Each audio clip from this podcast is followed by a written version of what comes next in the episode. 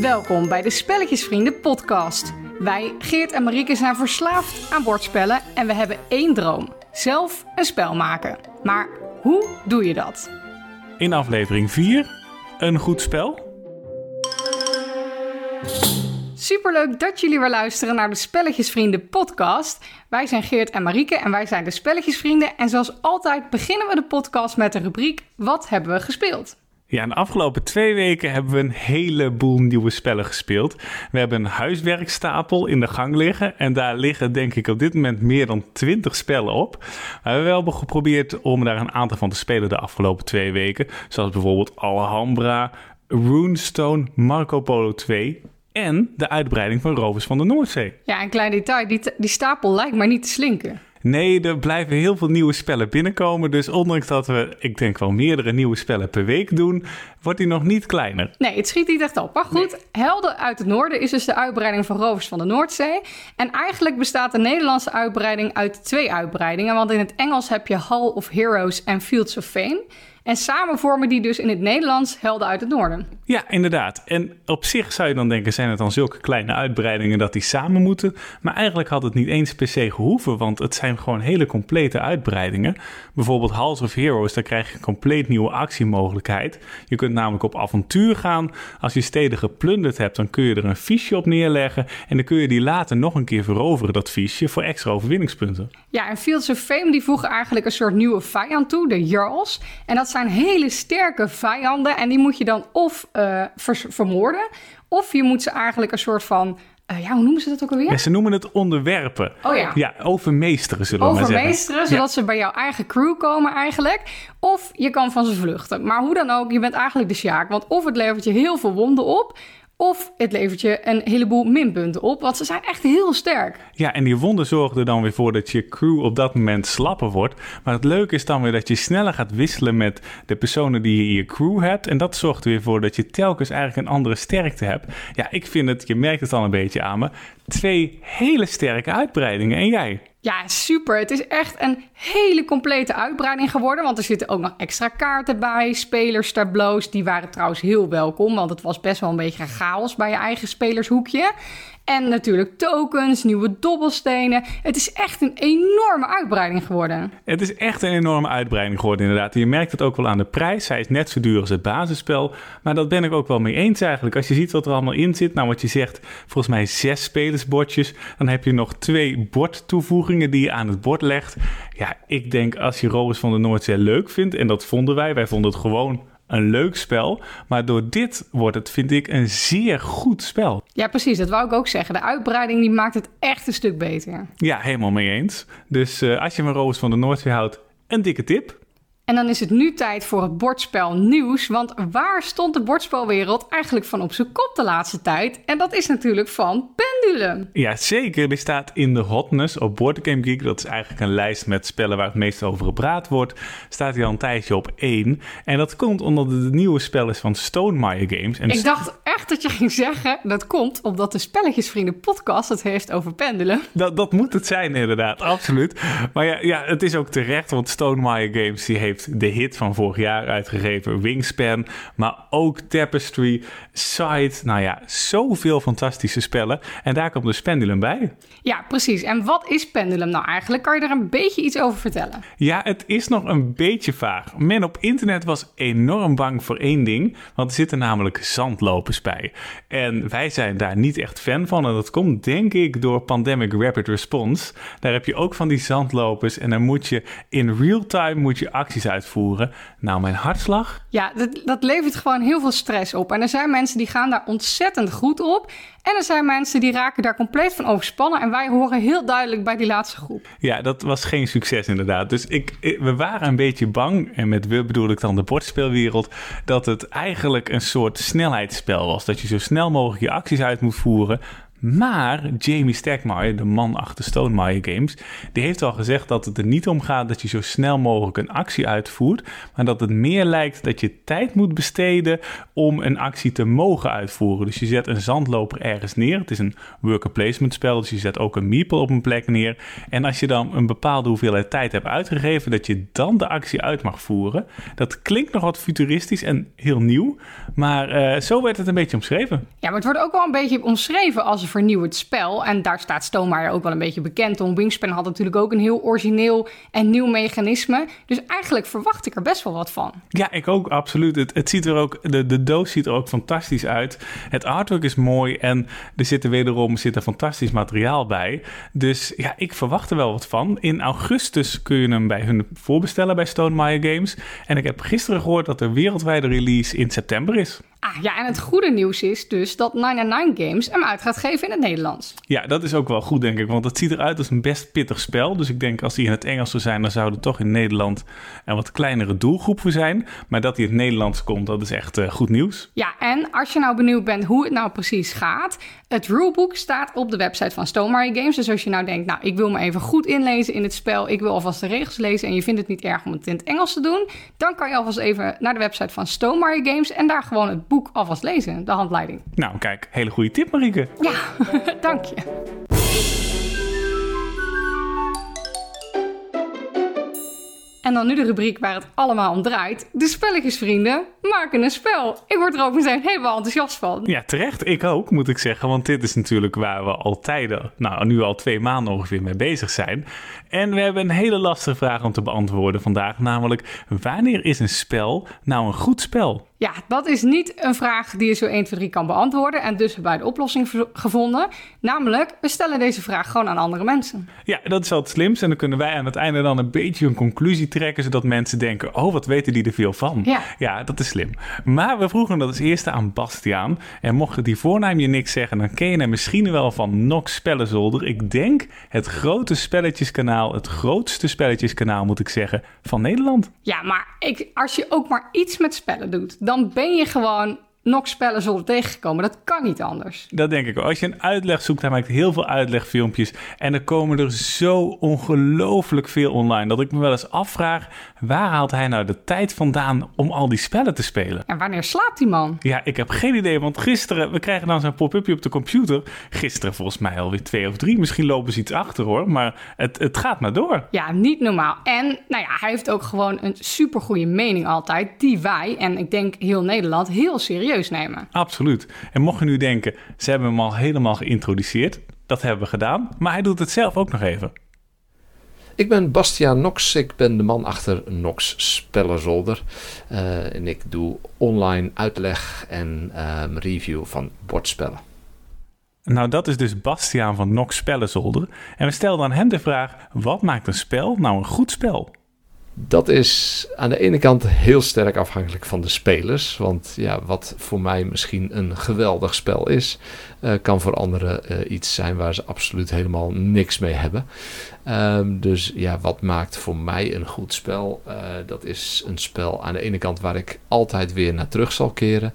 Dus een goede herspeelbaarheid, een goed mechanisme, een fijne vormgeving. en aan de andere kant. Um, maar wat ik al eerder zei, ik wil dat een spel zorgt dat je met elkaar lekker aan het spelen bent. Dat maakt voor mij een goed spel. Als ik uh, uh, bijvoorbeeld kijk naar World of Warcraft, The Board Game. Uh, dat, is, dat tikt heel veel boxen aan die ik leuk vind. Maar wat dat spel voor mij breekt, is het feit dat iedereen voor zichzelf aan het spelen is. En daar stopt het mee. Als andere spelers aan de beurt zijn, dan heb je er eigenlijk totaal geen invloed op. Je hebt er ook geen belang bij. Uh, oftewel, het is bijna jammer dat andere mensen ook in jouw spel zitten, waardoor jij niet door kan gaan. Nou, dat vind ik absoluut een slechte eigenschap. Uh, maar ja, dat is een beetje waar bij mij uh, de criteria liggen. Hij zegt dus allereerst: een goed spel is heel erg afhankelijk van met wie je het speelt. Smaak is natuurlijk heel persoonlijk en het spel wat bij de ene groep supergoed valt, hoeft natuurlijk helemaal niet te passen bij de andere groep. Maar verder vindt hij nog vier dingen heel belangrijk: een hoge herspeelbaarheid, een leuk mechanisme, goede vormgeving en interactie. Ja, en interactie is wat heel veel terugkomt eigenlijk de afgelopen tijd. Telkens als we een spel uitleggen of als we het ergens over hebben op YouTube of op Facebook, dan vragen mensen hoe zit het met de interactie? Ja, hoe belangrijk is dat voor ons eigenlijk? Ja, dat is een hele goede vraag. En om eerlijk te zijn gaat het antwoordje misschien niet helemaal bevallen. Want ik kan soms ook best wel genieten van een spel waar dat interactiegedeelte eigenlijk niet per se in zit. Nee, dat snap ik. Of het zit er heel subtiel in. Bijvoorbeeld Gaia Project is een fantastisch spel. Je bouwt daar voornamelijk zelf een eigen motortje op. Maar je hebt soms ook er iets aan als je dicht bij andere mensen bouwt. En dat vind ik leuk. Als het niet heel duidelijk op de voorgrond is. Maar dat je wel soms er wat aan hebt als je met elkaar rekening houdt. Ja, precies. Want dat echt, nou ja, niet overdreven. Maar dat, waar interactie heel erg in zit. Zoals bijvoorbeeld als je echt moet handelen met elkaar. Ja, van mij hoeft het niet per se. Ik, ik kan het waarderen, maar het is zeker geen vereiste voor mij. Nee, en zo blijkt maar weer dat het voor iedereen dus heel verschillend is. Maar gelukkig hebben we het nog aan iemand gevraagd. Iemand die heel veel weet van spellen en die al vaker voorbij gekomen is in de podcast. Namelijk Reiner Knizia.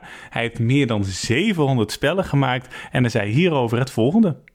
Times are different today. People want much more dynamics in the game. If you look at games which were published 20, 30 years ago, they're slower, they develop, they take some time to develop. If you look at chess, uh, yes, you move your figure, you move your figure, and it's all playing in the head. Uh, the dynamics today, people on the boom. I mean, if you look at movies, if you look at old, very good movies, uh, it's they're incredibly slow sometimes. Yes, until things develop, and in the first ten minutes, nothing happened to build the atmosphere. And today, if not five people are dead within the first 20 seconds, it hasn't happened, yes. Uh, and in a way, it's not with killing people, but in a way, it's similar that people expect more dynamics, they expect the game to develop faster, to more things to happen in there, quicker things to happen, um, and then to find a reasonably quick end because people don't have that much time to play in the family. Attention span goes a bit down, as we all know. Everybody needs to look on their smartphone while they're playing and all this stuff, strangle them. Um, and so there are many criteria you can work through in a list. They don't help you what makes a good game. If you go through a tick list, you will never create a good game. In the end, a game is there that people enjoy themselves, that people get a good, stimulating time with each other. They are a platform to have a good time, and that makes a good game, essentially. It's, it, it's a non answer, I know, but that's essentially the truth, apart from giving you five criteria short rules, quick access to the game, uh, nice components, innovative mechanism. Yes, you can say all of this, and there are always counterexamples. Nou, Reiner zegt dus, allereerst zijn de tijden eigenlijk al anders. Tegenwoordig willen mensen veel meer actie dan vroeger. Het is bijna vergelijkbaar met films. Je aandachtspannen is korter. Het moet gewoon allemaal snel, snel, snel. Ja, en dat is misschien op sommige momenten maar goed ook. We kunnen ons allemaal Monopoly en Risk herinneren van vroeger... die uren doorgingen. Dus het is wel fijn dat het wat sneller is allemaal. Ja, precies. Die eindeloze spellen waar gewoon dat je op een gegeven moment dag mag kan naar bed. Ja, nou herkenbaar. Nou, je kunt dus, er zijn blijkbaar checklists, daar komen we zo nog even op terug, voor dingen die een goed spel moeten hebben. Maar ja, als je dat allemaal nagaat, dan heb je nog steeds niet een goed spel gemaakt. Nee, precies. En nou ja, dingen die Reiner zegt, dus dat daarop staan, is je moet hem snel uit kunnen leggen. Het moet er mooi uitzien. Het moet iets innovatiefs hebben. Maar hij zegt het belangrijkste is, en daar moeten we ons natuurlijk gewoon bij aansluiten, lol hebben. Als mensen plezier hebben tijdens het spelen van het spel, dan is het dus een goed spel. Ja, helemaal mee eens inderdaad. Nou ja, er is een, een spel geweest wat ik nog even wil noemen. Een uitbreiding is het eigenlijk. Je hebt uh, Carcassonne, heb je natuurlijk wat iedereen kent. En een uitbreiding ervan die niet meer verkrijgbaar is in Nederland. Goh, was, hoe zou dat toch komen? Ja, was de katapult. En ik moet zeggen, ja, het doel was eigenlijk, je legt, volgens mij was het een meeple of een fiche op een soort katapult die meegeleverd wordt. En daarmee ging je op het bord schieten. Ja, maar die Meeple die belandde dus midden in het speelveld. Vervolgens vloog alles alle kanten op en dat is op zich grappig. Maar als je heel serieus naar je spel hebt gebouwd en alles dondert zo de tafel af, nou de frustraties. Ja, inderdaad. En ik noem het omdat aan het begin dacht ik, oh, hier hebben we lol om. Dit is leuk. Dit is een goede uitbreiding. En hadden wij er lol om? We hadden vijf minuten lol. Want het is, het is, ja, het is leuk natuurlijk dat je zo'n zo'n miebeltje mag schieten of wat het ook was. En dat dan dat hele bord helemaal vervormd werd. Maar dat ben je snel zat. Zo, nou er ontstonden nog net geen ruzies aan tafel, maar het had niet veel langer moeten duren hoor. Nee, dus het blijkbaar kan iets ook leuk zijn, kort, maar dan, ja, je het moet ook voor zorgen dat het leuk blijft. Dus dat ging daar helemaal mis. Dus dat is iets om rekening mee te houden. Maar goed, eh, leuk is dus belangrijk, maar er zijn, zoals ik al noemde, toch lijstjes met punten wanneer een spel een goed spel is. En mocht je nou zo'n lijstje willen hebben, dan hebben we dat gevraagd aan David Turci. En voor ons is dat dan een beetje een held. Ik bedoel, hij heeft Enagrammy gemaakt, hij heeft Dice Settlers gemaakt, hij heeft enorm veel solo-modussen gemaakt van spellen. En hij staat dus eigenlijk wel bekend als de koning van de solo-modussen. Ja, het is zelfs zo dat als mensen bordspellen uitbrengen, dat ze gewoon op de doos zetten met een solo-modus van David Turci. En ik, volgens mij spreek ik overigens zijn achternaam verkeerd uit, maar goed, dat maakt even niet uit. En nou ja, dat is dus gewoon een beroemdheid om solo-modus, omdat ja, zijn systeem zit gewoon heel goed in elkaar. Ja, en wij spelen nog niet superveel solo-spellen, dus we kunnen nog niet helemaal beoordelen hoe dat zit, maar het wordt zo goed beoordeeld. En nou ja, zijn eigen spellen die hij maakt voor meer spelers, die zijn ook enorm goed. Dus ja, hij is echt een voorbeeld. Ja, echt een hele leuke man. En het lastige is even dat hij zijn antwoord geschreven terug heeft gestuurd. Dus niet in een audiobestand wat we gewend zijn. Dus we gaan even onze antwoorden voorlezen, of eigenlijk zijn antwoorden voorlezen. We gaan het expres in het Engels doen, want we willen natuurlijk niet dat we zijn antwoorden verkeerd interpreteren.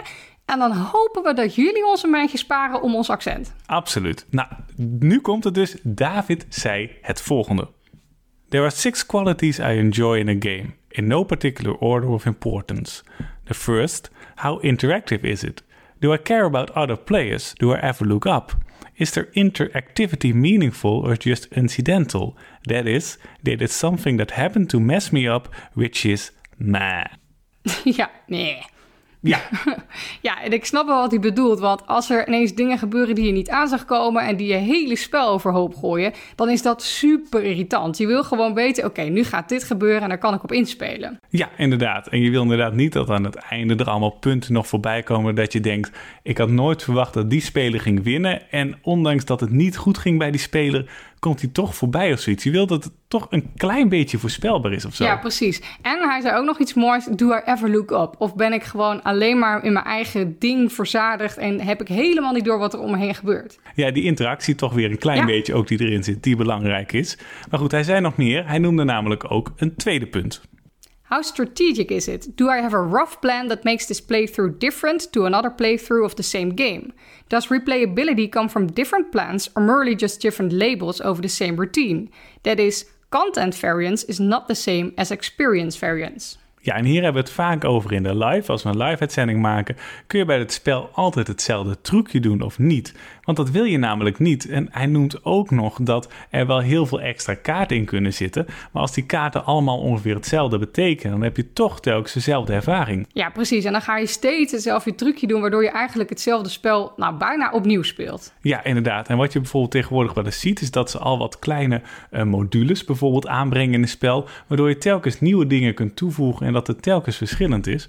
Dus dat kan natuurlijk een manier zijn om de speelbaarheid te verhogen. Ja, of andere doelen. Ik heb het idee dat hier wel steeds beter over na wordt gedacht bij bordspellen. Dat denk ik ook inderdaad. En dat komt denk ik ook omdat bordspellen toch wel duurder worden. Het worden grotere uitgaves. Ze wil je niet iets dat je telkens hetzelfde kan doen en dat na een paar keer spelen al saai is. Nou, dus goede tip, zijn tweede punt. Absoluut. En dan nu gaan we door naar zijn derde punt.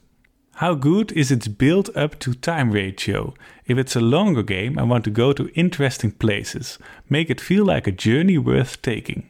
Ja, want er is niets zo irritant als niet toekomen aan je eigen spel. Dat je de hele tijd iets aan het opbouwen bent, maar dat het maar niet uitkomt en dat je idee niet tot zijn recht komt. Nou, inderdaad. En mocht het ook een lange spel zijn, wat hij noemt, dan moet het wel een beetje interessant blijven. Dus dat het niet de hele tijd maar voortmoddert eigenlijk, maar dat je wel, ja, misschien wat hij bijvoorbeeld in Enagamy gedaan heeft, dat je er een compleet nieuwe fase eigenlijk ingaat halverwege het spel. Ja, dat is top. Ja, want voor mensen die Enagamy niet gespeeld hebben, halverwege veel. Uh, uh, ja, wat vindt er eigenlijk plaats? Ja, volgens mij, en de, de impact, het is namelijk, het gaat over tijdreizen in een, een futuristische uh, toekomst. En halverwege is er volgens mij de, de inslag waar we allemaal naartoe werken aan het begin van het spel. En daarna is opeens het hele bord veranderd en dan heb je ook nieuwe actiemogelijkheden. Ja, en daar moet je dan op ingespeeld hebben met je mensen, dat je eigenlijk klaar was voor het einde van de wereld. Inderdaad. Nou ja, goed. In punt 4 gaat hij nog even verder over zijn lijstje. How satisfying is it? Do I feel good when at the end I achieve or barely fail to achieve that big thing I was planning for? Ja, en dat is heel belangrijk, denk ik. Dat je aan het einde denkt, nou, het was een pittige puzzel, maar het is me toch net wel of net niet gelukt. Waar ik dat bijvoorbeeld aan een beetje bij heb, is bij Tiny Towns. Dat als het lukt om hem bijvoorbeeld bijna helemaal vol te plannen, dat raster waar je eigenlijk een eigen dorp op bouwt, ja, dat voelt goed. Ja, en ik moet ook zeggen dat dat ook altijd het punt is waardoor ik het niet meer zo erg vind als ik verlies. Als ik gewoon denk, oké, mijn eigen plan is gelukt, ik heb hier alles uitgehaald wat erin zit. Sowieso ben ik een hele goede verliezer, want ik verlies heel vaak. Maar dan maakt het me ook helemaal niet meer uit. Nee, ik ben het helemaal met je eens. We zijn het met elkaar eens. Oh, fijn. Fijn. Dus we gaan snel door naar punt 5. How thematic is it? Does it have meaningful narrative that explains who we are as players and what we are doing? Does the game's fiction match its actions? Ja, want soms spelen we een spel en dan zeg ik halverwege tegen jou, want jij bent dan degene die de handleiding gelezen heeft en dus weet wat er gaat gebeuren. Wat is nou eigenlijk het idee hierachter? Wat zijn we nou eigenlijk aan het doen? Ja, het thema is dan dus niet goed gekozen waarschijnlijk als het niet duidelijk is. En voor ons is dat echt een belangrijk punt. We spelen natuurlijk heel veel verhalende spellen. Dan is het thema, als het goed is, heel duidelijk. Maar ik vind ook bij spellen waar er niet per se een verhaal in zit, moet het wel duidelijk zijn waarom je dingen aan het doen bent. Ja, anders voelt het zo'n bij elkaar geraapt soortje. Nou, inderdaad, dan heb je geen idee waarom je het doet en voelen de acties ook niet logisch. Bijvoorbeeld bij Food Chain Magnet vind ik een goed voorbeeld van hoe het wel kan. Uh, dat is een pittig spel met heel veel regels waar je een eigen fastfood imperium opbouwt. Maar alle acties vind ik eigenlijk, omdat ze heel erg lijken op zoals het in het echt gaat, heel logisch. Ja, precies, want je bent mensen aan het aannemen, je bent voedsel aan het produceren, je bent restaurants aan het openen. Dus dan is het gewoon, nou, dat, dat thema draagt het spel. Absoluut, dus dan weet je ook van, oké, als ik deze actie doe, kan ik dit doen. En ondanks dat het een heel lang regelboek is, uh, voelt het toch logisch eigenlijk en, en heb je het best snel uitgelegd. Ja, dus thema, heel belangrijk. En dan het zesde en het laatste punt van David. How elegant is it? How many concepts does it need to convey an idea, a choice, a concern, and how justified each element of attention is? Ja, dus eigenlijk hoe soepel speelt het spel eigenlijk? Is het logisch? Loopt alles goed in elkaar over? We hadden het daar net al even over. Maar het is fijn als het soepel loopt en dat daardoor de acties gewoon logisch zijn. Ja, precies. Dus dit is gewoon iets wat je in je achterhoofd moet houden als je een spel aan het spelen bent. En waar je denk ik ook heel kritisch naar moet kijken. Want ik denk dat dit is iets wat je van je, ja, waarvan je zelf heel snel denkt, ja, dat is logisch. Ja, inderdaad. Maar toch, al deze punten, deze zes punten, is echt iets om rekening mee te houden. Want hij noemt ze niet voor niks als je een spel gaat maken. Hij had ook nog één laatste punt en dat is eigenlijk meer een goede tip. Besides this, to sell a game, you need a unique selling point to hook people. But that can be a unique new mechanism, fancy components, rare setting, or great art, so they aren't always my job to design. So when I design, I try to say at least four of my six qualities to the highest level I can, plus spend some sort of unique selling point to pitch by. Ja, en daar heb je ze weer, de USP's. Dus een spel maken, mensen hebben dat vaker tegen ons gezegd, is eigenlijk het opstarten van een bedrijf. Je moet er gewoon goed over nadenken en een paar punten hebben waarbij je opvalt. Ja, precies. Een unique selling point is dus eigenlijk iets waar je echt helemaal naar streeft, wat uniek is aan jouw bedrijf en waarmee je eigenlijk nou, je bedrijf een beetje verkoopt aan klanten of aan investeerders. Ja, inderdaad. En op beurzen hebben we dit wel eens gemerkt. Dan praten we met spellenmakers en die hadden dan gewoon, dat merkt hij gewoon, een paar punten bedacht van, nou ja, als ik dit noem, dan heb je om te beginnen een goed idee waar het spel over gaat. Maar dan merk je ook dat het uniek is ten opzichte van andere spellen. Dus dat moet je als het spel helemaal klaar is, denk ik, echt helder hebben. Waarom valt dit spel zo op? Ja, maar dan moet je dus aan het begin misschien ook wel over nadenken van oké, waar ga ik me op focussen? Wat zijn mijn unieke dingen? Absoluut. Als laatste stelden we deze vraag ook aan Peter McPherson. Hij is wel vaker in de podcast voorbij gekomen en hem kun je bijvoorbeeld kennen van Tiny Towns. En hij zei het volgende. To me, a game is a good game when the players feel that they have interesting decisions to make and the game gives them regular feedback on how they're doing. So when I am designing a game, I watch playtesters to see if they feel like they have multiple options and routes to take and that they feel that whenever a bad thing happens to them that it was their fault and it was in their control, they might be able to do something to avoid it in the future. So those are the games I like to play and the games that I hope to create. Hij zegt dus eigenlijk drie dingen. Eén, spelers moeten het idee hebben dat ze interessante keuzes kunnen maken en ook meerdere keuzes hebben over wat ze gaan doen. De tweede is, spelers moeten een soort feedback krijgen over hoe ze het doen. En de derde is, als er dan iets fout gaat, dan moet je als speler wel het idee hebben dat het je eigen schuld was. En niet dat het gewoon domme pech was. En dat sluit eigenlijk wel heel goed aan bij wat David al eerder zei. Ja, inderdaad. We noemden dat al even. Je wil gewoon dat het eigenlijk je eigen fout is en dat je weet. En dat scheelt natuurlijk ten opzichte van geluk. Dan weet je ook wat je de volgende keer anders moet doen. En niet dat je denkt, ja, de volgende keer moet ik beter gooien. Ja, precies. Want dan kan je er gewoon niks aan doen. En dat is zo frustrerend. Nou, inderdaad. En hij noemt ook de interessante keuzes. Want ik vind, tenminste, de spellen die hoog in onze top 20 staan, dat zijn gewoon spellen met heel veel actiemogelijkheden. Dus dat je ook telkens eigenlijk elk spel een andere tactiek kunt kiezen met nieuwe actiemogelijkheden. Ja, en dat je misschien ook wel gedwongen wordt om elke keer weer een andere kant op te gaan. En dat dat dus ook gewoon naar de overwinning kan leiden, omdat alle keuzes even sterk zijn. Maar goed, Ja. nu dwaal ik een beetje af.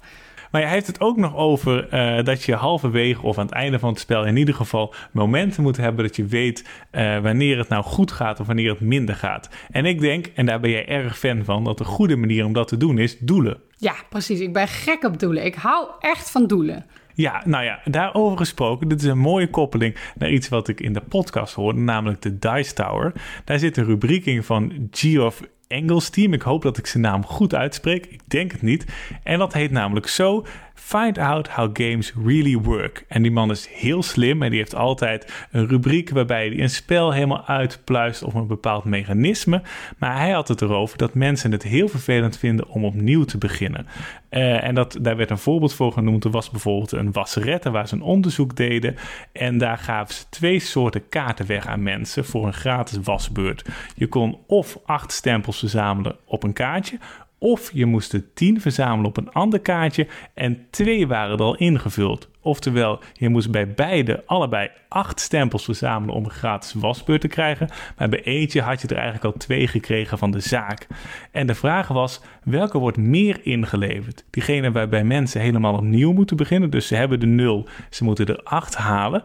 Of degene waarbij mensen er al twee hebben ingevuld gekregen en ze moeten er nog steeds acht halen, maar komen uiteindelijk op 10 uit. En wat bleek nou? De mensen die de stempelkaart hadden waarbij er al twee opge, opgevuld waren eigenlijk, die kwamen veel vaker terug. Kortom, dat was eh, de conclusie van het onderzoek. Als je niet helemaal opnieuw hoeft te beginnen, maar je hebt eigenlijk al een soort start, oftewel twee stempels op je stempelkaart, dan ben je veel eerder geneigd om verder te gaan en voelt het dus veel beter. Ja, en volgens mij ging hij dat dan vertalen naar de bordspelwereld. En kwam het er dus op neer dat als je daar doelen hebt, dat je eigenlijk al een soort van ja, basis gegeven moet hebben. Ja, inderdaad. En als je een doel haalt, is het dus fijn om dan niet alles weg te hoeven gooien, maar dat je wel eigenlijk iets hebt, zodat je snel door kunt naar het volgende doel. En dat je niet helemaal opnieuw hoeft te beginnen naar een volgend doel. Ja, en een goed voorbeeld daarvan is bijvoorbeeld Splendor. Hè? Daar koop je eh, kaarten met edelstenen. En als je zo'n kaart hebt gekocht, dan levert je die bijvoorbeeld overwinningspunten op. Maar dat is ook gelijk een basis van je inkomen, want daar staat dan een bepaalde kleur steen op. En die hoef je dan minder te betalen. Ja, dat is echt een topvoorbeeld inderdaad. Daarbij bouw je echt een motorshop, heel simpel. Eh, en inderdaad heb je steeds meer eigenlijk is het een soort van inkomsten heb je steeds meer, zodat je steeds beter nieuwe kaarten kunt kopen. Dus dat is iets wat heel goed werkt. Nou, dat is echt een hele goede tip. Dus om te onthouden, doelen willen mensen niet from scratch halen, maar ze willen iets, iets houden eigenlijk. Ja, inderdaad. Dus als je werkt met tussentijdse doelen, zorg er dan gewoon voor dat mensen niet helemaal na het halen van een doel alles weg moeten gooien en opnieuw moeten beginnen. Maar zorg ervoor dat ze in ieder geval iets houden of een voordeel krijgen, zodat het halen van het volgende doel gewoon een stuk sneller gaat. Nou, wat vind je van alle tips die we gehad hebben? Nou, dit zijn echt een heleboel tips waar we echt wat mee kunnen. Uh, dat halen van de doelen vind ik interessant. Dus dat als het tussentijdse doelen zijn, dat we er rekening mee houden dat mensen gewoon door kunnen spelen, zeg maar, in het, uh, bij het halen van de volgende doelen. Maar er zijn nog veel meer tips waar we wat mee kunnen. Ja, interactie moeten we dus zeker goed onthouden. Uh, het moet soepel lopen. Ik denk dat we ook heel goed aan de playtesters moeten gaan vragen van, hey, dit voelt voor ons logisch, maar is dit ook logisch? Voelt het voor jullie ook soepel? Is er niks frustrerends? Ja, en thema dus. Dus dat het thema goed aansluit bij de acties die je doet. En dat zorgt er dus voor, bij wat jij net zei, dat het gewoon logisch speelt. En dat zorgt weer voor dat je het sneller uitlegt en dat het ook sneller op tafel komt bij mensen. Ja, maar dit hebben we nu even heel makkelijk uitgelegd. Maar ik denk dat in de praktijk dit nog best pittig wordt hoor. Ja, dit is heel pittig denk ik. Er zijn zoveel punten om rekening mee te houden. En het werd ook al genoemd. Hè. Je kunt dat hele lijstje langslopen. Reine Knizia noemde het.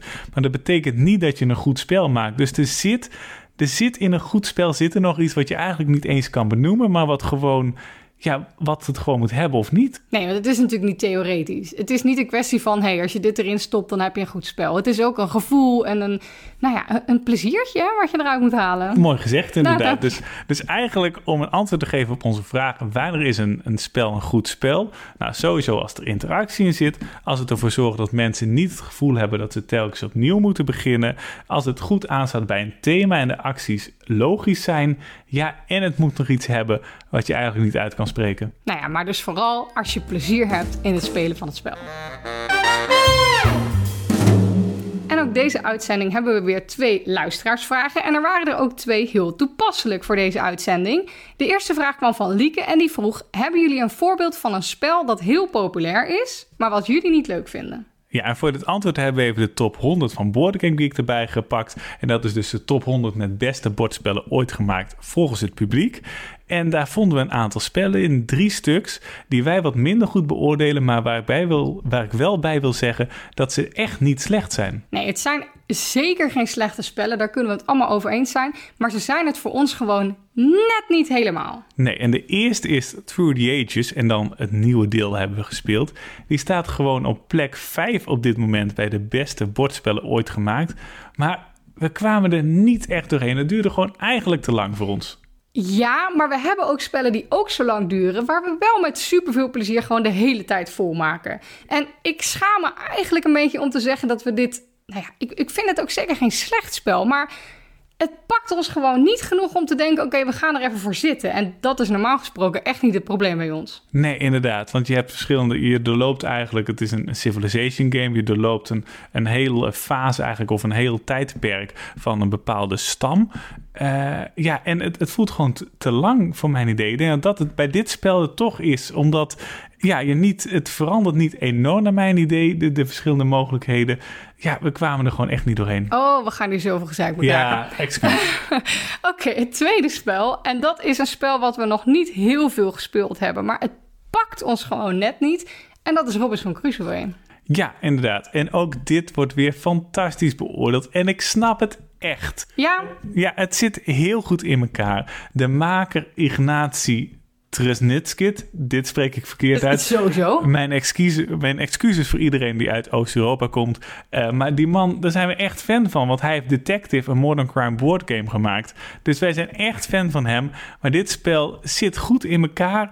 Maar misschien net te veel regels waardoor het net niet soepel speelt voor ons. Nou, nu doe je net alsof we spellen met veel regels niet aan kunnen. Nee, dat is het ook niet, dat weet ik. Maar, maar misschien was het hier op sommige punten net iets te veel... Dat, dat we te veel dingetjes moesten doen... zodat het soepel doorloopt, zeg maar. Ja, ik bedenk me ineens ook... hebben wij dat eiland wel eens overleefd? Sowieso niet. Nee. Oh, kijk. Het is ook heel moeilijk. Daar, ja. daar komt ook misschien wel een aapje uit de mouw. Want nogmaals, mochten mensen het spel niet kennen, je hebt verschillende modules in het spel en je moet eigenlijk ontdekken en uiteindelijk moet je allemaal dingen maken zodat je overleeft of eigenlijk het doel van, de, van het scenario haalt.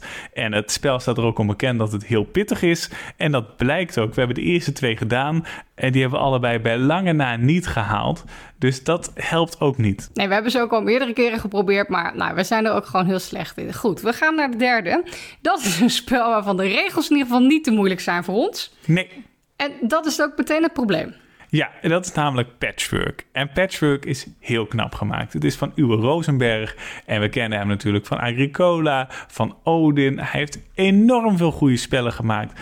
En staat ook bekend omdat dat Tetris-element, dat invul-element op blokjes, zodat je uiteindelijk een soort lappendeken krijgt. Uh, dus dat is echt origineel, want het was er nog niet heel veel toen volgens mij. Maar voor ons net niet genoeg. Ik denk dat we onze naam moeten veranderen. Naar? De spelletjes zeikert. Ja, we zijn, we zijn kritisch, hè? Het is echt niet normaal. Ja, maar, het is, maar bij alle drie geldt. Ik zie echt bij alle drie dat het echt goede spellen zijn. En ik snap ook wel de plek waar ze staan. Maar sommige zijn voor ons net niet soepel genoeg. Andere net te makkelijk. We zijn heel kritisch. Ze zijn het gewoon net niet. Of ze spelen gewoon net niet in op wat wij nou leuk vinden. Laten we het daar dan op houden. Laten we het daarop houden. Dan gaan deze snops snel door naar de tweede vraag. En die kwam van Paul. En hij vroeg: en hebben jullie eens een spel dat laag scoort, dus een 4 tot een 6 heeft, waarvan jullie dachten dat is eigenlijk een heel goed spel? Ja, en ik ga er even vanuit dat hij nu de beoordeling bedoelt van Board Game Geek. Dat weet ik eigenlijk wel vrij zeker. En om heel eerlijk te zijn, hebben we echt moeten zoeken. Ja, blijkbaar zijn we het wel zo eens met uh, de mensen die die reviews achterlaten. Dat als mensen het een slecht spel vinden, wij het meestal ook een slecht spel vinden. Een voorbeeld daarvan is bijvoorbeeld Undo. Ja, wat krijgt dat eigenlijk? Ja, dat krijgt volgens mij de eerste misschien net een 6. Maar twee van die we gespeeld hebben, die komen niet boven de 5,5 uit. Ja, precies. Maar goed, daar zijn we het dus mee eens. En dat was niet de vraag. Dat was niet de vraag. De vraag was, waar zijn we het niet mee eens? Nou, uiteindelijk zijn we op een spel gekomen wat een 6,4 krijgt. Dus eigenlijk iets te hoog voor wat hij wilde. Maar goed, hij moet het maar even aannemen van ons. En dat is valse motten. Ja, en als je het over plezier in een spel hebt, waar het al even voorbij kwam in deze uitzending, dat zit daar enorm veel in. Want je moet namelijk vals spelen. Ja, precies. Ik denk dat hij echt aan geen enkel punt van de checklist voldoet, behalve interactie. Ja, nou interactie en enorm veel lol, want je moet proberen, sommige kaarten moet je proberen weg te werken. En als je je hand leeg hebt, dan heb je gewonnen. Dus je moet proberen zoveel mogelijk kaarten op een sneaky manier weg uh, proberen te werken.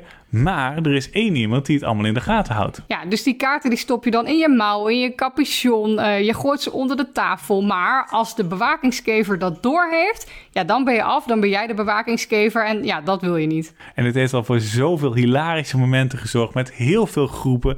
Met kaarten die uit de capuchon gehaald werden. Die, die op de grond liggen dan een hele stapel kaarten bij sommige mensen. Dus dat is altijd super leuk om te zien aan het einde van het spel. Waar heb jij jouw kaarten allemaal gestopt? Ja, en dat je halverwege hoort, jongens, ik moet echt even mijn schoot legen, want het ligt hier helemaal vol. En als ik nu een kaart gooi, dan horen jullie gewoon dat ik een kaart op de grond gooi. Nou, dus dat is echt hilarisch. En dan wat ook nog wel leuk is, is dat dit gemaakt is door de kinderen van Inka en Marcus Brandt. Dat zijn hele bekende spellenmakers. Een klein voorbeeld voor ons, kan ik wel zeggen. Zeker. Zij zijn bekend van onder andere de Exit Escape Rooms van Raes van de Gangers en van Keer op Keer. Maar dit spel is dus gemaakt door hun kinderen. Ja, superleuk. Maar dit is gewoon het bewijs dat een spel niet aan die checklist hoeft te voldoen om leuk te vinden. Om hem leuk te vinden. Helemaal mee eens, inderdaad. Dus je kunt ook gewoon een simpel spel maken met, met een geinig element. Vaak is het dan wel een soort van partyspel, denk ik. Dus dat is dit ook wel een klein beetje. Maar dan kun je alsnog een heel goed spel maken. Ja, dus die checklist is heel leuk en hou hem zeker in je gedachten. Maar laat hem ook een klein beetje los helemaal mee eens. Maar goed, ik denk dat we hiermee aan het einde komen van deze uitzending van de podcast. Uh, ik wil nog even doorgeven dat je natuurlijk op ons kan abonneren. Als je dit op YouTube kijkt, kun je gewoon ergens even klikken en dan abonneer je op ons kanaal. Nou, top. Wat, wat goed geregeld van YouTube. Wat goed geregeld. En volgens mij kun je ook abonneren op andere kanalen. Nou ja, je kan ons natuurlijk volgen op Spotify, op uh, Apple Podcast. En als je een luisteraarsvraag hebt, dien die dan even in via een van de chats. En als je dan ook nog een review achter wil laten of een reactie achter wil laten op YouTube, dan zijn we helemaal gelukkig. Ja, inderdaad. En kun je als je over de podcast een review achter wil laten, kun je dat overal doen of moet dat op een specifieke plek? Volgens mij moet het op Apple Podcast. Ah. Ik heb de vorige keer geen commentaar gekregen dat ik het fout had. Dus ik ga er even vanuit dat het echt alleen daar kan. Nou, mochten jullie dat willen doen, dan zijn we jullie heel erg dankbaar. En we hopen dat we jullie over twee weken weer terugzien op, uh, bij een nieuwe podcast. En tot die tijd zou ik zeggen, heel veel plezier met het spelen van spellen. Ja, en dan hoop ik ook dat jullie ons niet afgemaakt hebben en dat jullie denken, nou, naar die spelletjes zeiken luister ik nooit meer. Ik hoop het ook niet. Dus tot snel!